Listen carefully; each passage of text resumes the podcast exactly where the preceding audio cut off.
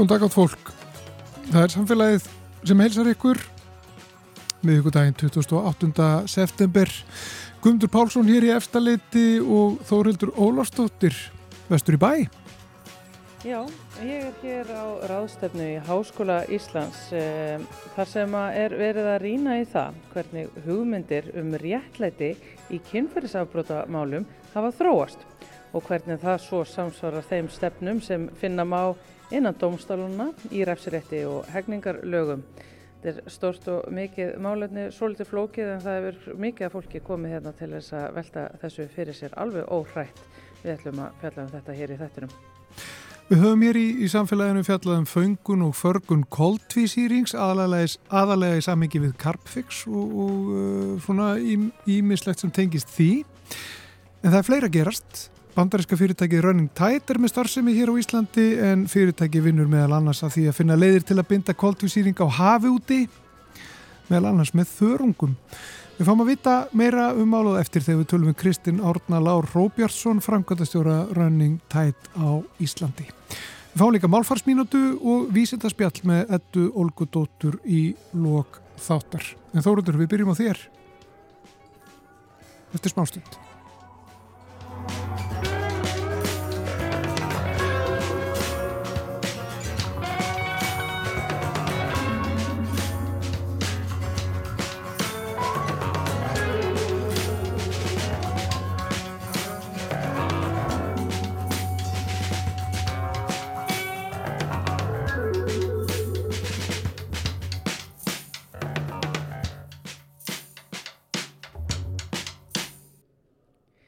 Ég hef stött hérna í Háskóla Íslands í aðalbyggingunni fyrir utan hátíðarsalinn. Hér er haldinn ráðstefna um hvernig samfélag og réttarkerfi geta tekið skref í átt að því sem að er kallað þólenda vætnaferli og réttlæti í kynferðisafbróta málum. Miklar samfélagsbreytingar auðvitað sem hafa ítt þeim umræðum sem að hér eru teknar fyrir úr vör. Hún er hjá mér Hildur Fjóla Antonsdóttir sem er nýdoktor við Háskólan og kemur að skipulagningur ráðstefnuna. Sælverstu? Sæl blessið. Sko heldur fyrir þau sem hafa verið með hausin í hólu síðustu árin, getur þú kannski farið bara svona örsnögt yfir þeim í þessar samfélagsbreytingar sem er á þrýsta á þar umræðu sem eiga sér stað hérna í hátíðasalinu núna?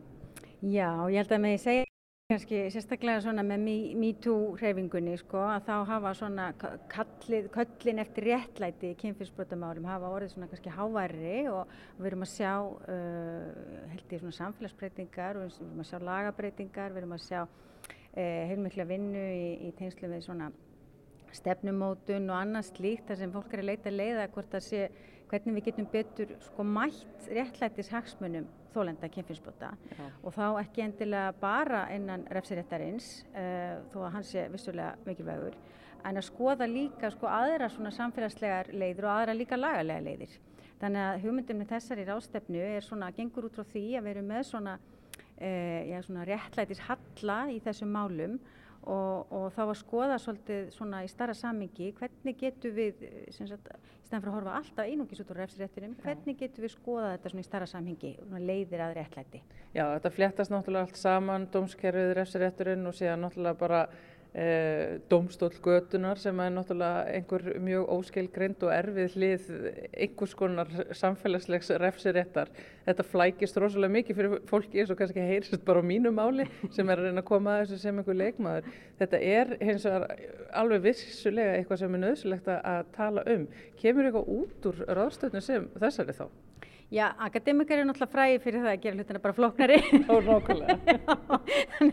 Þannig að hérna, það verður nú ekkert svona stefnumótun og skjál, hugsaði sem kemur út úr þessu. Ég held að þetta sé, hjá okkur er þetta svona meira spurningum að hvernig þróskum við og þróum þetta sem í rauninni rannsóknar svið. Því að við erum svo vöna að hugsa bara um, sko þegar kemur réttlæti kynfyrsbótamálum og þá hugsaum við einhvern veginn engang um refsiréttin, svo mikið höfum gert það mikið, sko. Þannig að hugmyndin er sko hvernig lítur þetta út í stærra samingi og hvernig sko já, bara svona þetta felt sem rannsóknarfelt, sko, hvernig, hvernig rannsókum við þetta, hvernig, hvernig fáum við betri svona skilning af því hvað réttlæti er út frá sjónarhóli þólenda og hvernig Já. getur við sko þróa þá ólíka leiðir bæði innan réttakerfisins og utan til þess að mæta þessum réttlætis hagsmunum uh, þólenda. En það er þetta einmitt með réttlætis hagsmunni og þólenda vætna ferli. Við erum farin að horfa í átt á þeim til þeirra sem er brotið á, fólk sem hefur náttúrulega verið bara svolítið haft í skugganum og, og, og, og veist, bara í ákveðinu þöggun, einfallega af því að eins og er að koma daginn, það er bara svo erfitt að díla við þetta alls saman. Við kunnum það ekki. Já, ég held að það sé vissulega rétt og við erum svolítið svona hérna, learning by doing í þessu, við erum svolítið svona bara, já, já, vissulega sko, en, uh, en já, ég held að það er bara mjög mikilvægt að að halda áfram á þeirri vegferð sko og kannski ég myndi láta ekki alveg refsiréttin sko byrja okkur sín sko því að refsiréttin er náttúrulega svolítið sérstakur og hann náttúrulega uh, hefur þessa mjög svo háu sönnunar kröfu já, já. Uh, skiljanlega uh, en svo er náttúrulega líka bara hugtökuð svo samfélagslegt réttlæti og, og annars slikt sem kannski sumi kalla domstól götunar, aðri kalla sko félagslegt réttlæti þannig að hérna uh, sko þetta að líta á kynfyrsbrotin og kynfyrsóbildi sem ekki bara eitthvað sem refsirétturinn hefur eitthvað að segja um heldur líka kannski samfélagi í stærri, í stærri mynd. En hérna erum við til dæmis að skoða þetta út frá stjórnsýslulögum og vinnurétti við erum að skoða þetta út frá skadabótaréttinum við erum að skoða þetta út frá uppbyggileg réttvísi restorative justice við erum að skoða hérna, þetta út frá umbreytandi réttlæti transform, transformative justice á einskunni Þannig að við erum að reyna að skoða þetta svona út frá ólíkum hugmyndum um réttlæti og ólíkum leiðum að réttlæti sem sagt bæði innan, já, kerfis, kerfis og, og, og, og utan, sko. Og sko, það eru nú ekki einhverjir nobodies sem eru að taka hér til máls í dag. Þetta er mikið mjög frambarilega og flottu fræðafólki og flest deila allt erlend. Já, þetta er svona svolítið konfekt kassi, myndi ég segja, hérna hjá okkur í dag. Bæði, við erum bæði með norrannan fókus, sko, okkur langaði að tengja þetta svolítið við líka íslensku umræðina og, og svona þessi lönd sem við svona kannski við ábyrjum okkur sama við, svo ofti sagt, sko, Norrlöndin eru náttúrulega um margt sambarileg, hvað var það kerfi og annað slíkt og svona menningu Uh, og svona, kannski svona, já, jafnbrytti stig og, og annars líkt. Þannig að við erum í rosalega flotta norræna hérna, fræðimenn hérna og svo erum við líka með fræðimenn sko bæði frá Breitlandi, Nýjasjálandi sérstaklega uh, sem hafa verið að skoða svona ólíka leiðir sem eru svona að vinna rannsóknir á þessu sviði sem, sem hérna, já, e, eru mjög fróðlegar og áhugaverðar, já. En sko annað sem maður tekur náttúrulega eftir þegar maður fer yfir hérna, þá sem maður eru að stjórna uh, málstofunum hérna, og taka til máls á þeim uh, það er náttúrulega eitt allt þetta mikilsvirt að fræðafólk er flest allt uh, af einu kyni þetta eru eiginlega allt konur Já, ég held við séum með sko, mjög mikið af konum og tvo kalla Já. Já. En er það af því að konur eru að huga meira einmitt af þessum kynferðisafbrótamálum innan fræðana skoða uh, þólendavænferli uh, innan samfélagskerfana og allt þetta? Já, ég held að það sé nú svona löngum allavega á, á, á þessu sviði þegar kemur að kynfyrsofbeldinu uh, að þá hafa svona kvenkis rannsækandur verið í mjög miklum, miklum meil hluta sko. Þannig að hérna, ég held að maður, það er svona óvægt að segja það. En þetta eru meðal annars sko lagaprófessorar og, og prófessori réttar uh, félagsfræði og, og hérna E, já, og, og svo svona afbrotafræðingar og þólendafræðingar sko. Mm -hmm. Já. Sko, ymmit af því að þetta er náttúrulega mikið fólk sem kemur úr svona e, laga hlutarum, þetta eru lagfræðingar og, og ymmit e, afbrotafræðingar og þau sem er í svona þessum ranni. Skortir eitthvað upp á það fræða sig kannski hérna hjá okkur heima þegar kemur á því að já, íta á eftir og, og þróa einmitt fræðilega hluti til þess að breyta og bæta réttakerfi okkar?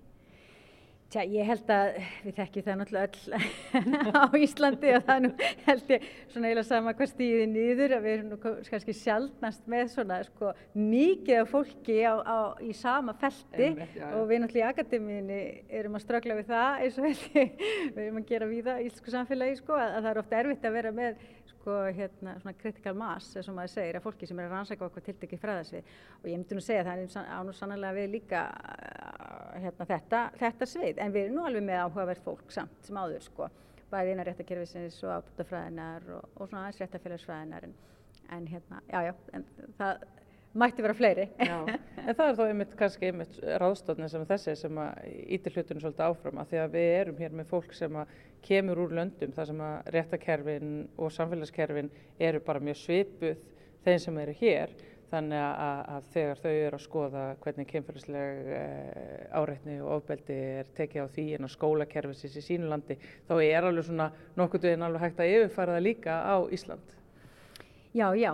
Sjáum okkur sjálf í þessu niðurstöðum með öðrum orðum. Já, já og, og kannski líka þetta bara þegar maður heyrir frá uh, sko reynslu annar landa og, og svona ólíkum rannsóknum og það getur maður líka sko borið saman þó það sé ekki endilega alveg sama og ekki eins og þróunin kannski ekki hefur ekki verið svo sama en þá getur maður svona átt að sé betur á líka bara svona þessi kostur á að fá að bera saman sko það sem maður þekkja heima fyrir og, og síðan það sem við erum að gera ellendis og maður fær hugmyndir að hérna, hérna, já Um, bæði svona á sviði stefnmótunar og líka náttúrulega á sviði bara rannsókna og okkur vantar sannlega frekar í rannsóknir á þessu sviði. Já, algjörlega.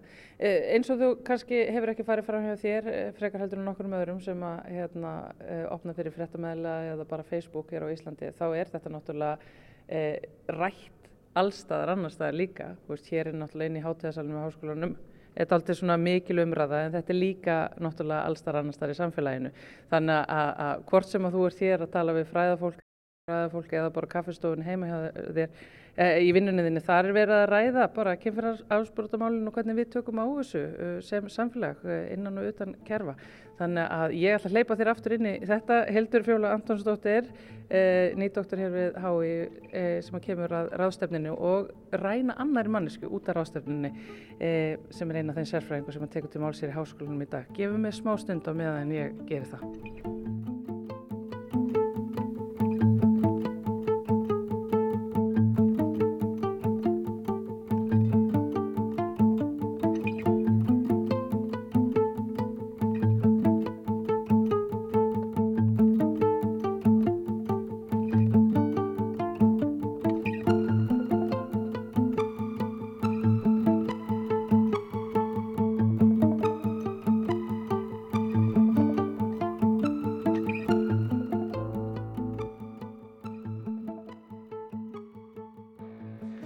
Komin hérna með Maríu Rún Bjarnadóttur sem er doktor í lögfræði og verkefnistjóri Stafrans og Óbeldis hjá Ríkis lauruglustjóra og einn þeirra sem heldur utanum málstofur og tekur til máls hérna í dag. Hérna Maríu, bara til að byrja með, hvenar fer þessi hugmyndum þólendavænt réttlæti að taka pláss innan, innan fræðana? Ég held að það sé nú bara svona á þessum síðustu áran uh, og þessar hugmyndröða og þessi sjónamið sem við verðum að reyfa á ráðstöfni í dag Eh, að þau eru kannski ekki jafn gömul og, og við myndum vilja í raun og veru. Þannig að við sjáum svona síðustu svona 10-5 árum að þá hefur þessi umræða náð svona, um, já meira, tekið meira plása og náða okkur fótfæstu. Og það er þá bara viðbræð við samfélagslegu ákalli eða?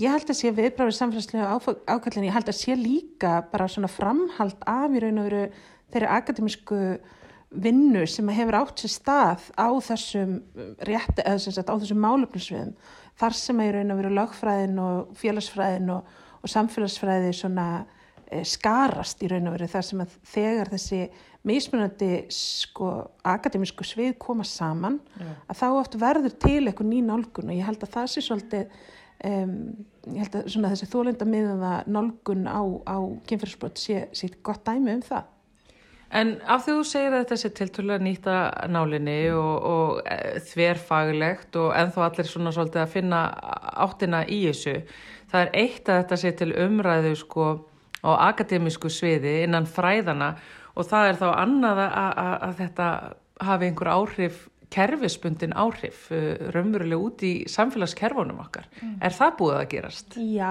ég held það. Ég held til dæmis eins og þessar breytingar sem voru gerðar á, á hérna, lögunum núna í vor sem að dómsmálur á þeirra fóð mig í gegn. Já. Breytingar á réttastöðu brótaþóla í kynferðsbrótamálum. Ég held að þær eigi eftir að skipta mjög miklu máli og þær hefðu sennilega ekki orðið nema af því að bæði þessi umræða í þessu akademiska samhengi og í samfélagslegu samhengi hafa náð ákveðinu svona ákveðinu þroska.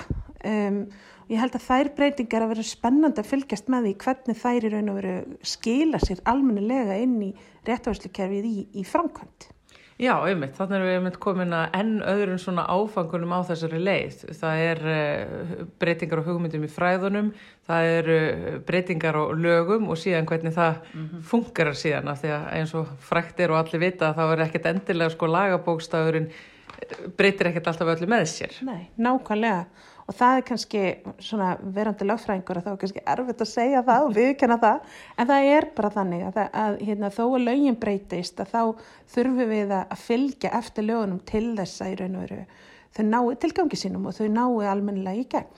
En af þú talar um að til dæmis eins og þessi lagbreyting sem að varði vor, sé stór áfangi, hvað tekur þetta samt langan tíma til þess að svona hafa áhrifin út frá sér? Mm. Þar sem þetta hérna, fer umverulega að hafa áhrif sem lagasetning? Ég held að ég, við sjáum það allavega að verkvellar hjá lauruglu hafa þegar tekið breytingum mm. og það er hérna, þegar að byrja að horfa til ímis að þátt að varandi þetta þannig að ég held að mörguleiti er þetta komið til framkvæmda en, en við þurfum þurfum alltaf að fá reynslu á framkvæmdina til þess að geta metið sko, ekki þetta vilja okkur, var þetta ekki nógu gott Hvar, hvað þurfum við að bæta þessu framvegs þannig að ég held að hérna, þessar næstu, næstu misseri verða auðvitað mikilvæg varandi þannig þátt en það fyrir hins vegar ekkit að hérna, allt sé fullkomið sko. Nei, ég held að það, það skiptir líka máli fyrir kerfið að viðkenna það, það getur alltaf bætt sig og það er alltaf svegrum til þess að hérna, bæta sig því að kerfið sem að segja að, að það sé fullkomið að, að ég held að það sé engin betra vísbendingum að það sé ekki fullkomið heldur en það að segja það sko. Já. Nákvæmlega.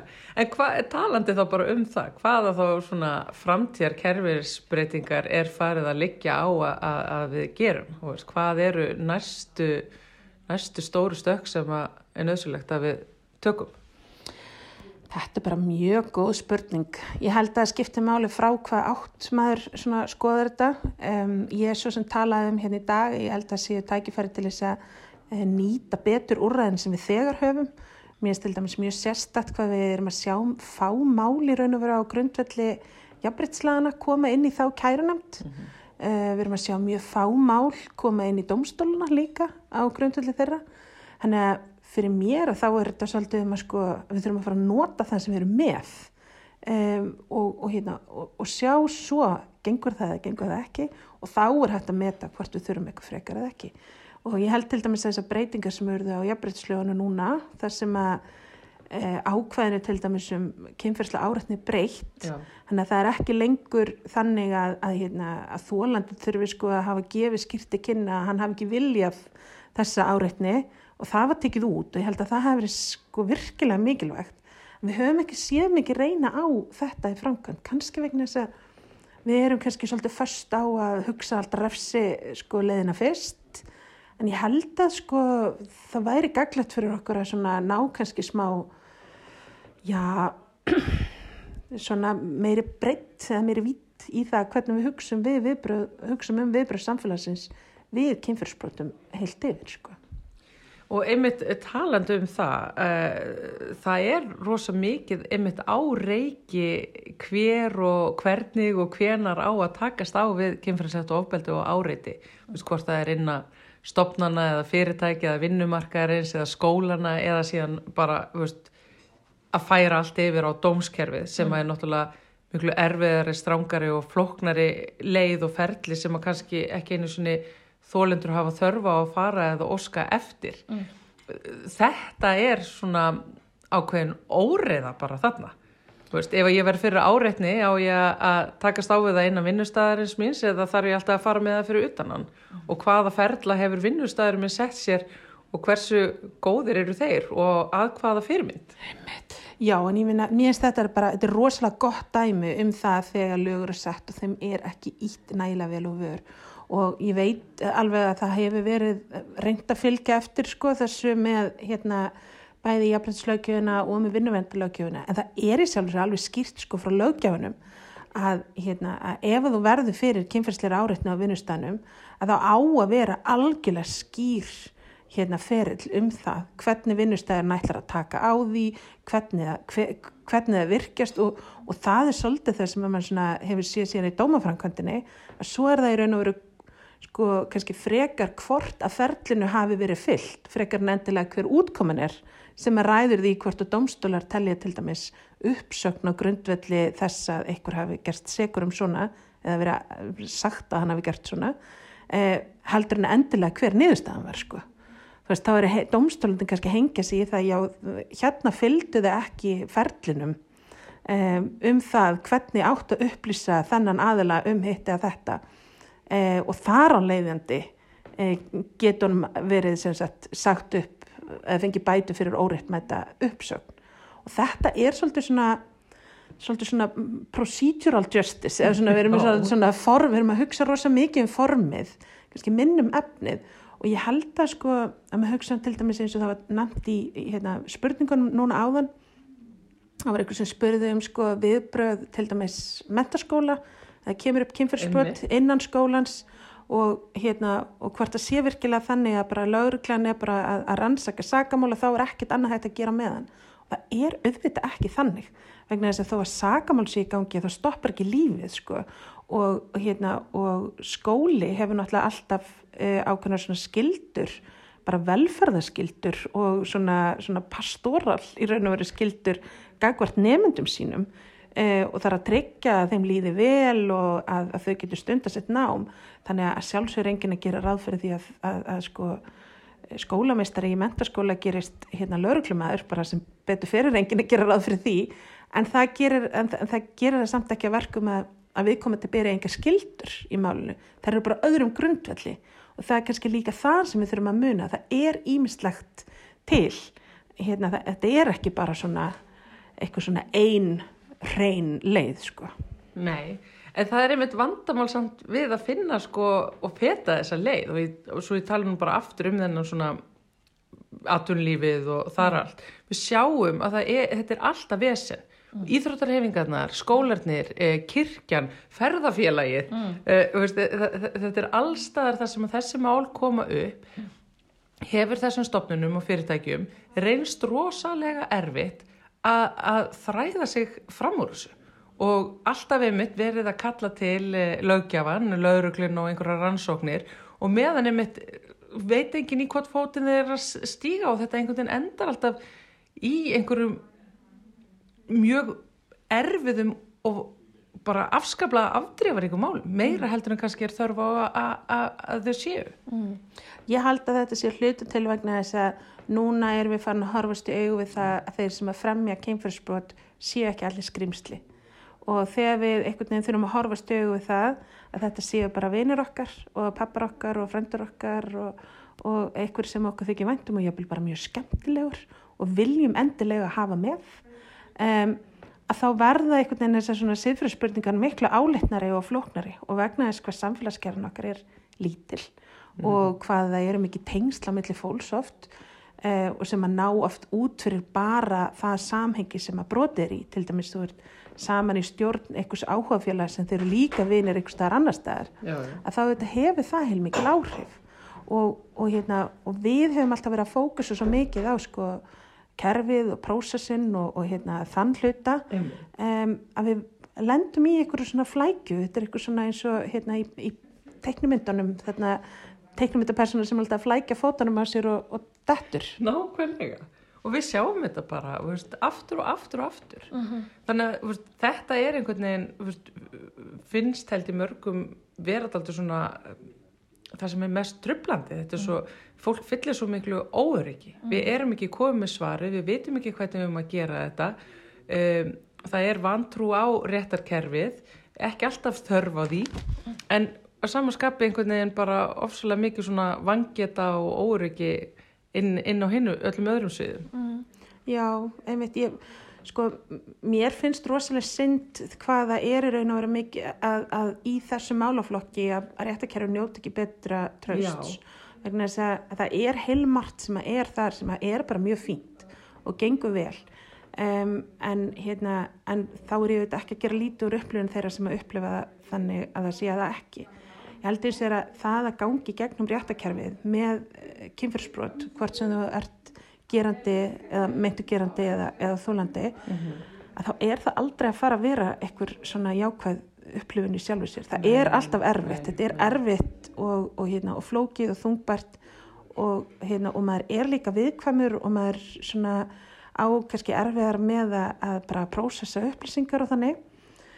En ég held að sko þegar við horfum á þessa hérna svona þessi þetta úrraða flækju byggs Eh, sem við stundum lendum í þá þarf líka stundum bara aðeins meira hugreiki bara að stíga niður fæti og, hérna, uh, og gera eitthvað sem að þú hérna, uh, veist, það, það er bara að fá leifinningar en svo þarf maður að framkvæma og það þarf bara stundum að taka erfiðar ákvarðinir og það getur verið hræðilega erfitt og óþægilegt og aðstæðanlegt kannski næsta fjölskyldubóði þú veist, að því að út af þessum rosalega miklu tengslum. En, en það er í raun og verið í grunninn svolítið það sem að þarf að gerast. Og svo þurfum við kannski líka bara að fara að tala meira um hvaða afleðingar aðrar heldur en refsréttalegar e, eiga svona brot að hafa. Við erum alltaf komið með til dæmis að þú getur ekki starfað í skóla, þú getur ekki starfað með börnum fyrir ef þú hefur verið dæntu fyrir kynfyrirspot um, En þú veist, hvaða aðrar afleðingar á það að hafa? Ég meina, það er, það er örglega hvað tíu ár síðan að, að hérna, það var e, afræks íþróttamæður í litlu sveitafélag út á landi mm. sem var dæmdu fyrir kemfyrirsbrot. Mm -hmm. Hann flutti sér bara yfir í annað félag uh, og var rosalega góður íþróttamæður. Hefði fólki, allt, og fólki fannst alltaf lægi að hann spilaði körbólta eða viðkomandi íþrótt hef, hefði þeim fundist í lægi að hann var að þjálfa uh, stelpur á þeim aldrei sem hann á að hafa broti gegn. Mm -hmm. þú veist, hvar eru mörking hvar, hvar ætlum við að setja þau? Og þau reyfast eftir því sem samfélag okkur þróast og lögin halda yfirlegt ákveðnu takti, ekki, ekki auðvitað alltaf. En þetta eru bara svona spurningar sem að fólk þarf að horfast í augu við á í sínu samhengi og það þarf að taka ákvarðanir. Stundum verða kannski vittlusar mm. uh, en ég held að við séum svo hrætt við að gera ekki mistök að við gerum ekki neitt. Rástöldna eins og þessi sem við erum á núna. Uh, hún er náttúrulega að reyna að koma auða á þessi mörg sem að eru eins og þú segir á sífældri reyfingu er að reyna að finna einhverja þræðið sem að hægt er að fara eftir sem að gætu þá haft áhrif í reglusetningum, lagasetningum, samfélagsbreytingum. Veist, er þetta svona mjög nöðsilegt að koma saman og, og, og, og rína í málinn, bæði inn og við og út af við? Ég myndi nú segja það sko. Já. Það er svona mín persónlega upplifun og það er mikill munur í raun að vera á því að vera á svona ráðstöfnu og vera á ráðstöfnu það sem allir eru á Zoom, bara heima hjá sér. Veist, það er líka oft ótrúlega mikið sem að gerist bara í kaffilíinu uh, þar sem að fólk næra spjalla eða, eða hérna, búa til einhver tengingar sem að úrgeta orðið alls konar hlutir sko. Um, en það er auðvitað líka bara svo holdt aðeins að hlusta á aðra og hlusta á reynslu frá öðrum löndum, hlusta á aðrar fræðigreinar, svona, þar sem er verið að gerast í öðrum fræðigreinum og taka sig úr bara sínu litla þrönga, örga, þægilega vegna þess að það gerast enga breytingar þar sko. Nei, einmitt og jáfnvel þú þetta sé óþægileg umræða þá þarf að taka hana og að því sögðu ætla ég að hleypa þér aftur hérna inn í málstofu sem að ég veit að þú ætta að taka þátt í. Marja Rún Bjarnadóttir, doktor í lögfræði og verkefnastjóri stafra, um stafrand ofbeldi hjá Ríkislauglistjóra. Takk fyrir spjallið. Takk fyrir mig.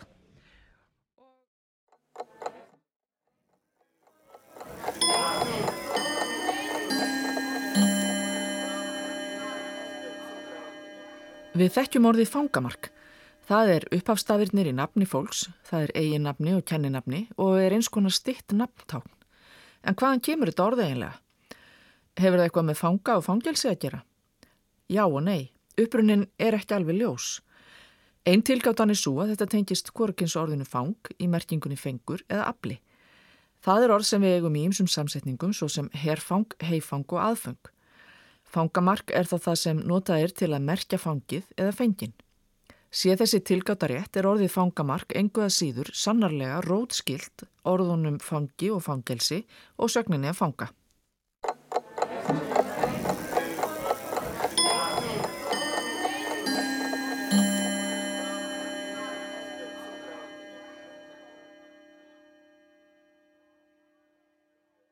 Við höfstundum talað um kólefnisföngun og kólefnisförgun hér í samfélaginu. Það er að fanga koltvíoksíð og binda það til dæmis í berglögum eins og í Carpfix verkefninu sem við höfum nú talað um oft hér í þessum þætti. En uh, hann er sestur hjá mér Kristinn Árni Lár Róbjörnsson sem er framkvæmtastjóri fyrirtækis sem heitir Running Tide. Hann er framkvæmdastjóri þess fyrirtækis hér á Íslandi. Og þetta fyrirtæki eh, vinnur að því að útbúa eh, ja, einhvers konar aðferðir og lausnir til að fanga koltvísýring og bindan í hafi. Kristinn, er þetta rétt hjá mér? Já, einhverju leiti, þetta er hérna, einleitlis að lýsa því, en jú, við, sem sagt, Running Tide vinnur að bættri heilsu sjávar almennt og stærsta ógnin við heilsu sjávar í dag er ómikið koltvísýringur í sjónum sem endar í súrnun með því að setja CO2 í sjóna þá er þetta ítindi súrnun. Og þannig að stærsta verkefni okkar núna er að, er að uh, útfæra lausnir eða kerfi sem að byggja á því sem að snýst um að nýta náttúrulega aðferði sem sjórin hefur nú þegar til þess að binda eða uh, farga kólefni og bara svona til þess aðeins að kannski suma út hvað, veist, af hverju eru að þessu? Um, við veitum öllum lofslagsvanna og allt þetta uh, í nýjustu hérna, vinnu Hóps skýslu, Working Group skýslu hérna, IPCC var svona í fyrsta skipti svona mjög mjög beint út sagt að eina leginn til þess að einu svona raunhæfi leginn fyrir okkur til þess að halda eða eiga sjensan á okkar markmiðum er bara stórkostlegar bindingar hérna, verksmiður eða bindingar hérna, í, á kólumni í, bara í, á heimsvísu á skala sem við þekkjum ekki. Um, við þurfum, við höfum núna örfa ár til þess að búa til oljubransan öfan oljubransa og Running Tide uh, er að taka þátt í þeirra vegferð. Og þar sem við, eins og við lítum á vandamálið að þá eru við, með, þú veist, byrjuðum í oljubransanum að þá byrjuðum að dæla upp kólefni í formi olju og brenna uh, úr það sem að kalla hæga kólunisringrásin og það er það sem að gerist á svona jarðfræðilegum tímaskala og þú talar um karfixán og þau eru að skila efni þánga. Það er þetta, það er kólum, það er steina, steindir er að veðrast á þúsundum ára og binda CO2 til dæmis. Um, og við þurfum að færa kólumni sem við erum búin að setja í hröðu kólunisringrásina sem er það sem við þekkjum að það er okkar tímaskala, það er hérna planta, grýpur, CO2, eitthvað dýr, borðar plöntuna og andar út úr sér CO2 þegar hérna, hún andar. Og við þurfum að taka þetta kólumni sem við erum núna allt og mikið að, þetta eru kerfi sem búin að vera í, í, í hérna, þokkalegu hérna, uh, jafnvægi þángu til við komum eins og mjög margt að, að, að nýta þessar náttúrulega fyrir til þess að koma jafnvægi aftur á kerfin og það er svona ræntætt kerfi við, við, við nýt, horfum til sjávarins til þess, að, til þess að nýta og svona magna upp, það er aðferð sem sjóru notar í dag til þess að uh, færa kólefni úr röður ringrásinni og aftur í þá hægu Já.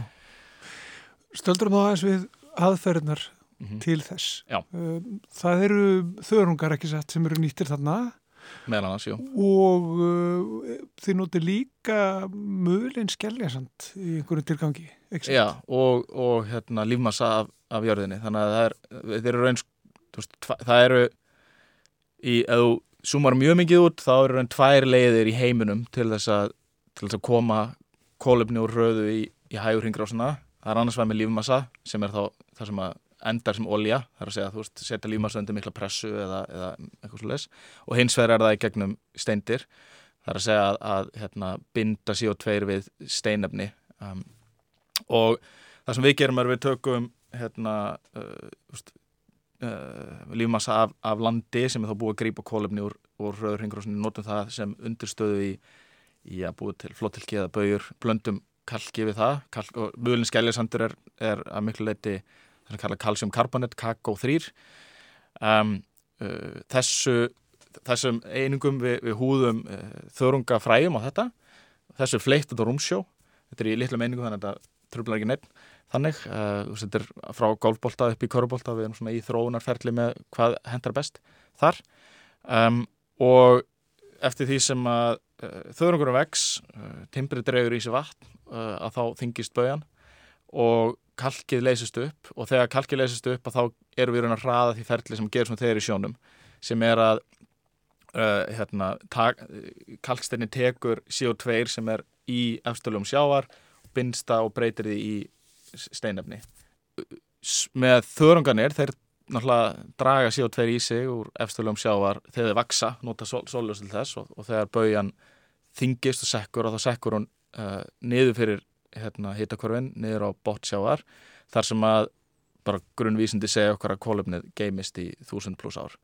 Það er að segja kólins hringar sem það er mjög hæg um, þannig að þá vorum við að taka annars vegar með því að hérna, uh, minka uh, basa sjóin með, með kalkinu og hins vegar með því að, að hérna, sökva límasanum sem að verður til Já. og allt þetta gerist nú þegar að miklu leiti í sjónum En hversu stór þyrti þessi skala að vera til þess að hafa áhrif? Sko, maður ímynda sér að, að það þurfi ansi mikið til til þess að bara það, það sjáu högga vatni ef maður getur orðað þannig. Jú, það er rétt. Uh, stóra vandamáli er við þurfum tíu, við sem mannkinn, þurfum að vera fjarlæga eða færa tíu miljardi, tíu gigatonn, tíu miljardi tonna á ári um, úr rauðurringrásinni í þá hægu og það er bæði til þess að, kom, veist, til þess að koma til móts við þessa bransa sem eru, er erfitt að minga útblástur á en líka til þess að greiða upp skuldir forfæðrana um, uh,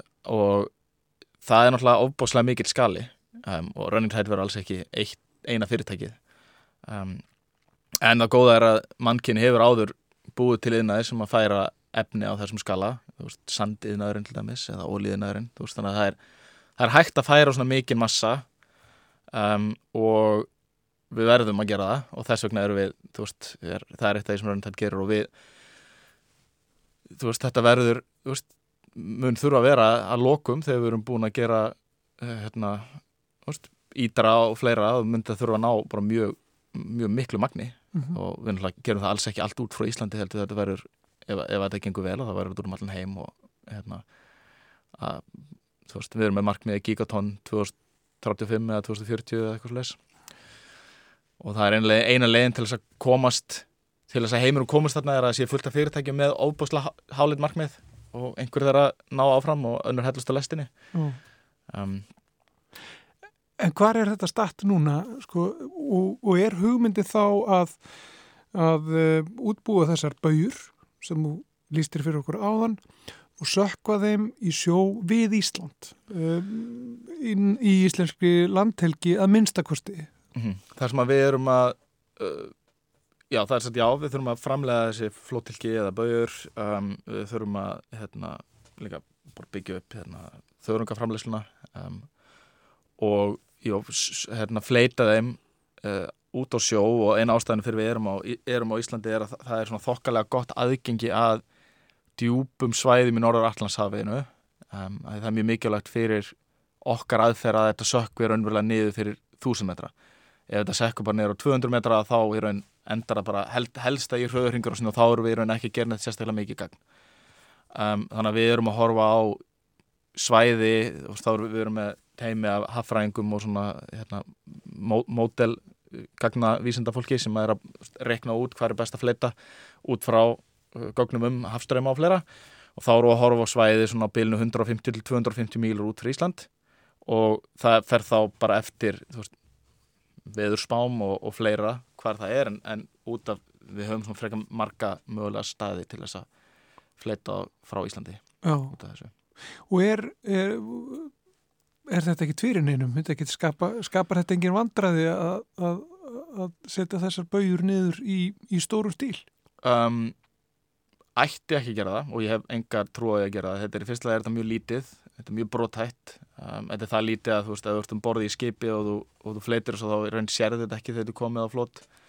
Um, kerfið er veist, að hugsa þannig að þetta hafi sem uh, minnst lokal áhrif og mest global áhrif. Þú veist, þannig að ástæðan fyrir að við fleitum þessu er að veist, við viljum hafstjórnmenn að dreif þessu á við og dreif.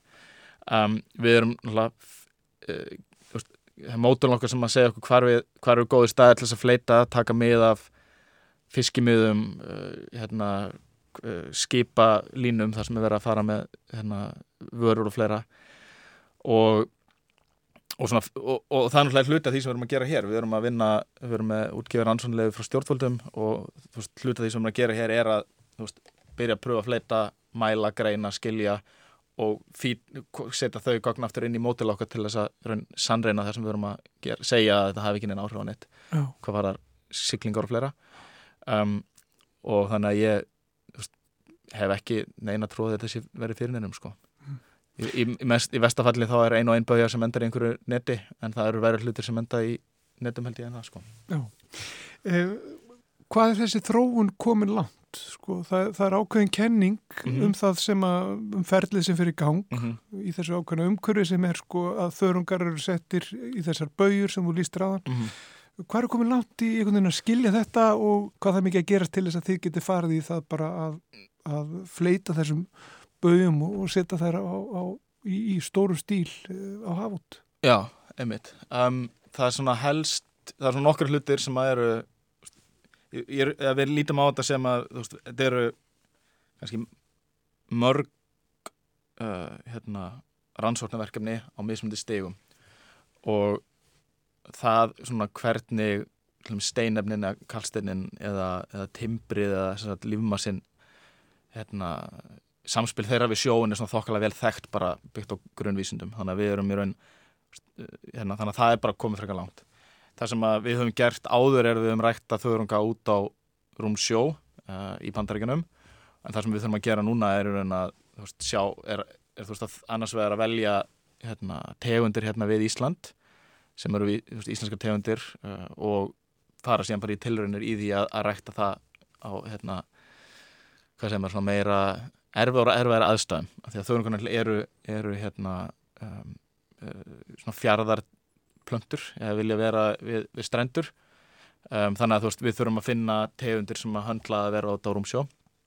Og það er bara fullum gangi verðum að byggja upp uh, veist, aðstöð til þess að gera þær rannsóknir og tilvunir um, hluti af rannsóknum snýst líka um bara að klára hérna að mæla og greina og skilja það sem eru að hafa úti.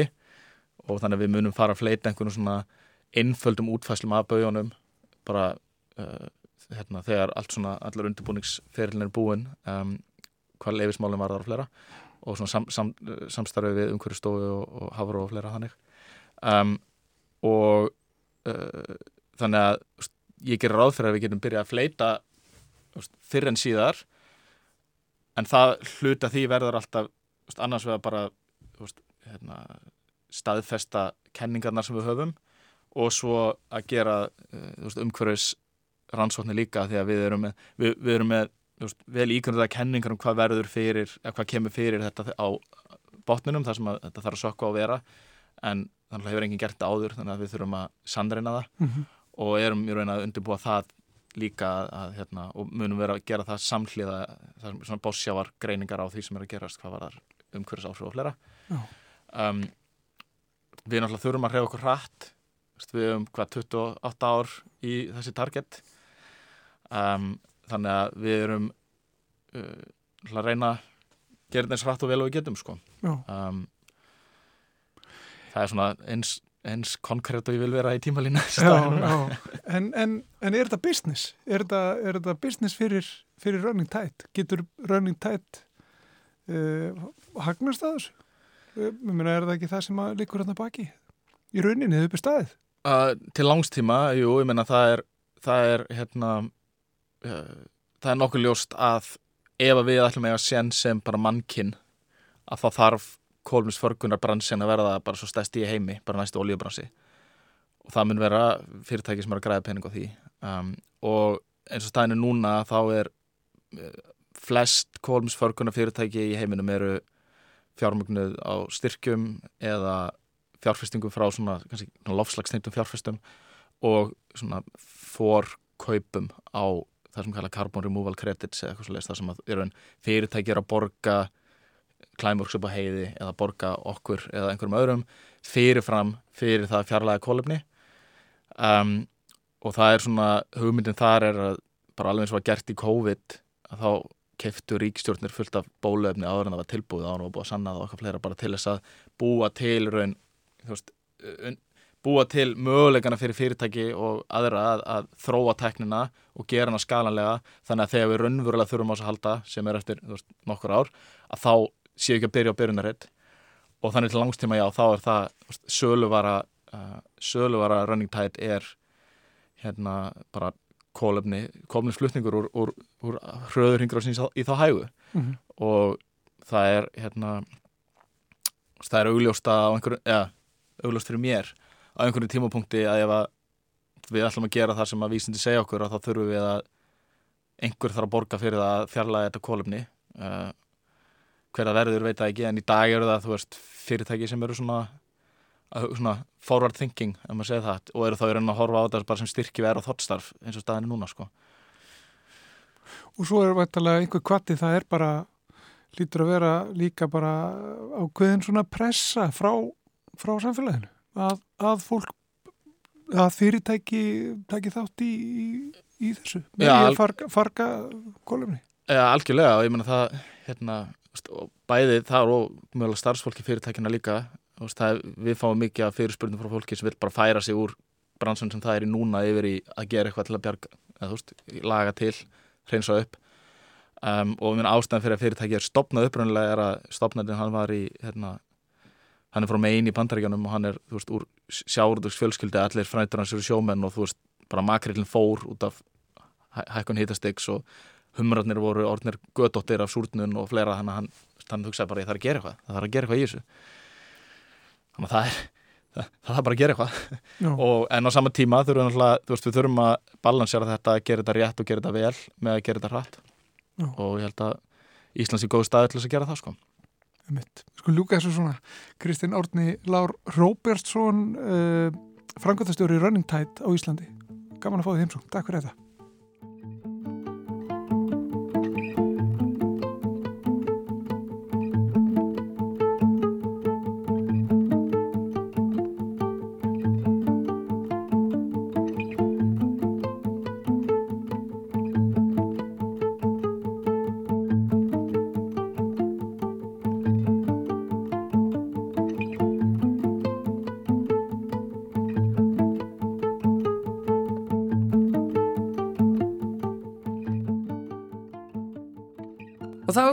vísindarspjallinu hér hjá okkur í samfélaginu eins og alltaf á miðvíkudögum þá kemur hún til okkar hún Edda Olgudóttir með eitthvað gummelaði af gnæktaborði vísindana og allra rannsóknana sem að þar eru gerðar sælverstu Edda. Sælverði. Hvað tókstu að hlaðborðinu í dag? Herðu, nú langar mig aðeins að hérna, rifja upp sykusíki og, og insulín vegna þess að ég ætla að tala um rannsókn þar sem að við erum aðeins að horfa á kannski nýja tíma í meðhöndlun á sykusíki og hérna, ég ætla bara að gefa mér að flestir hafi heyrt talað um sykusíki. Þetta er hérna Já. bara vel þekktur sjúkdómur og ég held hann hafi verið skilgreindur einhver tíman upp úr aldamótunum 1800-1900 og þar á sama tíma þá hérna var insulín skilgreint sem meðferðar úrræði við sykusíki. Og ef við bara rifjum svona aðeins upp að það er hægt að skipta sykusíki gróft upp í tvær típur. Það er típa 1 og típa 2. Og það er líka stundum talað um sko insulínháða og insulínóháða sykusíki. Típa 1 er sem sagt sykusíki sem að kemur yfirleitt fram snemma á æfinni og hún orsakast af því að frumurnar í brísinu sem að framleiða insulín að þær virka bara ekki. Þannig að við erum ekki að framleiða insulín, þannig að við getum ekki tekið upp blóðsykurinn. Insulín er nefnilega svona likillin fyrir frumurnar þegar við erum að taka upp sigur úr blóðinu að þá þarf insulínu að bindast við viðtaka á frumunum til að svona bara opna. Þannig að, þannig að hérna, sigurinn kemst inn og við getum notað þær. Og ef að insulín er ekki til staðar að þá er engin leikill og frumurnar eru bara lokaðar og sigurinn í blóðinu hækkar og fer ekki inn í frumurnar og það er hættulegt. Og, hérna, við, þá getum við ekki nýtt sigurinn um, Þegar við erum með sikursíki típu 2, það kemur yfirlegt fram setna á lífsleðinni og er stundum talað um það sem áunna sikursíki Mm. sem er svolítið ósangjant vegna þess að þarna eru yfirleitt einhverjir erðaþættir á bakvið og sem kannski í samblandi við umhverfi valda því að við fáum sikursíki en, en hún er ekki, yfirleitt ekki þannig að sko, við ráðum oftast ekki við það hvort hún kemur fram eða ekki. Uh, sikursíki típa 2 er þá þannig að sko frumurnar hætti eiginlega að skinja insulíni. Þannig að við erum kannski að framleiða insulín en viðtakarnir fyrir það er ekki næginlega margir eða það verður einhvers konar ónæmi á frumunum fyrir þessari, hérna, fyrir insulíninu þannig að, við, að hérna, uh, sigurinn er ekki tekin upp úr blóðinu og fer ekki inn í frumurnar og við erum ekki að nýta hann. Þannig að á sama hátt og í sigursíki típu 1 að þá hækkar blóðsíkurinn og það er þess vegna sem er talað um sigursíki. Það er vegna þess að hann er bara hérna að því að sigursíkin kemur fram sem hækkuð sigurgildi í blóði, alveg sama hvort það er eitt eða tvö. og í báðum tilfellum þá er mataræði ótrúlega mikilvægur þáttur og náttúrulega reyfing Mm. En mataræði, það skiptir rosalega miklu máli að fólk hérna passi upp á mataræðið og sé ekki að borða ofsikraðan mat þannig að blóðsikurinn fari upp úr öllu valdi og oft þegar sikursíki típa 2 er svona að byrja myndast að þá er eina meðhandlunin bara stjórnun á mataræði og svo aukinn hreyfing. En svo er líka ákveðin livjagjöf og stundum þarf að gefa insulín líka af því að þó að það sé ákveðin insulín framleiðsla að þá kannski þarf bara að hækka insulínið í blóði til þess að fara að virka. En meðferðin, það er að segja að gefa insulín sem er hérna, aðal meðferðin við sikursíki típu 1, hún er bara ævi laung og það þarf alltaf, hún þarf að gerast sko uh, á hverjum einasta degi, oft á dag og hún þarf að gerast í gegnum hérna, þý, sem þýðir að, að sá sem að er með síkusíki típu 1 þarf að sprauta sig oft á dag áður en hann fæsir að borða til að passa upp á að orkan komist inn í frumurnar. Og þetta er náttúrulega bara ofboslega líjandi Já. og ofboslega mikil skerðing á lífskeiðum. Og fyrir utan það að, að hérna, framleiðslan á þessu og við þurfum að hérna, það þarf að búa til spröytur sem að sko passa fyrir hvern skamt, þannig að þetta er líka óumhverfisvænt. Uh, en af því að við eigum þetta liv í spröytuformi, að þá hefur kannski ekki verið neinn svona, það hefur ekki verið mikil pressa að fá uh, önnur úrræði þar sem er kannski hægt að taka það í töfluformi eða eitthvað slíkt. Og ástæðan fyrir því að það er erfitt að komast í töfluform er meðal annars svo að insulín er bara alveg ofbásla stór samind og það er erfitt að koma henni í töfluform án þess að hún bara kekkist og, og hætti að, þú veist, hætti að hafa hennan stöðuleika sem hún hefur og þá virkni sem hún hefur. Ég hef aldrei hugsað út í þetta hvað er einmitt mikið að livjum sem eru í töfluformi og síðan eru önnur sem eru í fljótandi formi og ákveður sum þurfa að vera það og, og omvenn. Nákvæmlega og er alveg, þannig er rosaleg hugsun og vinna á bakvið hvernig er best að koma livjum á, sin, á sitt form sko, hvernig er gott að geima þau. Og þetta kannski hérna, munum hvernig það var þegar var verið að þróa bóluefni við hérna, COVID-19 að þá var einmitt fyrsta bóluefni sem að, var ekki Pfizer sem var fyrst að þau vildu sko, það þurfti að geima bóluefni við mínus 80 sem er bara fáránlegar hérna, geimslu aðferðir svona almennt en þarna var bara búið að sína fram á að það væri hérna, heppilegt að geima á þessu formi og var ekki, þú veist, svo, svo hefðu þau farið í frekari rannsóknir á hvernig væri hægt að geima það við heppilegri aðstæður. En þetta er nú út úr túr. Já, en segir einmitt og við þekkjum þetta eftir COVID, hvernig, hva, hvistlas vesin þetta er. Sko? Já, nákvæmlega. Já. Og ef við værum til dæmis með insulín á töfluformi, að þá væri við strax komin með hérna annan stöðuleika á lifinu og við varum kannski komið með annan geims, geimslutíma líka mm. og það myndi líka opna, hérna, opna möguleikana fyrir sko fleira fólk í heiminum að nýta þennan, þessa meðferð. Og í rannsóknin sem ég rakst á, uh, hún var byrt í Scientific Reports og hún var byrt bara núna í hérna, byrjun september og var unnin við hérna, University of British Columbia og Þarna er sem sagt rannsóknarhópur sem er búin að vera að skoða hvernig er hægt að stöðka insulín til að koma því í töfluform í 15 ár.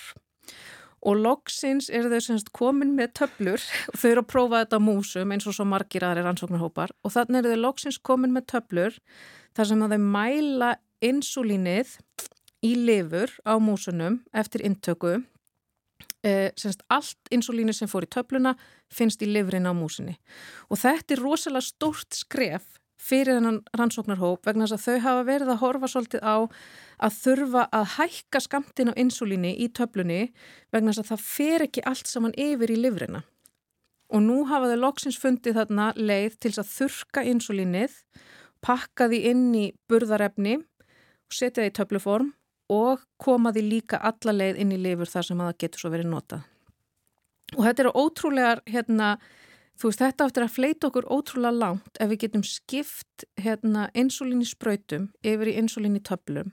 Það mun í fyrsta lagi náttúrulega auka lífskeiði þeirra sem að þurfa að nota insulín daglega. Já. Svo er þetta hérna, mjög jákvæð áhrif fyrir umhverfið vegna þess að við erum ekki lengur með eina spröytu fyrir hvern einasta skamt og svo er þetta bara ótrúleg hérna, framför líka í því í geimslu og, og hérna, stöðgun á lifinu sem gefur okkur þá kannski mögulegan á að koma þeim yfir í fátækari hluta heimsins. Nákvæmlega, af því að það eins og aftur svo við vísum í COVID var náttúrulega vandamáli með bólefnið að koma þessu út um allan heim og sérstaklega til dreifðari byggða án þess að lifið eidilaðist mm -hmm. í mhm. flutningum. Pillur eru náttúrulega fullkomnar nefnilega sem slíkar. Veist, það er hægt að koma þeim víða, það verði ekki fyrir eins miklum utan að koma þetta áhrifum og það eru bara svo handtaka Algjörlega og það er miklu auðveldur að viðhalda herbergishýta heldur en hérna, heldur en fjórum gráðum eða hvað þá mínus 80 gráðum já, sko. já.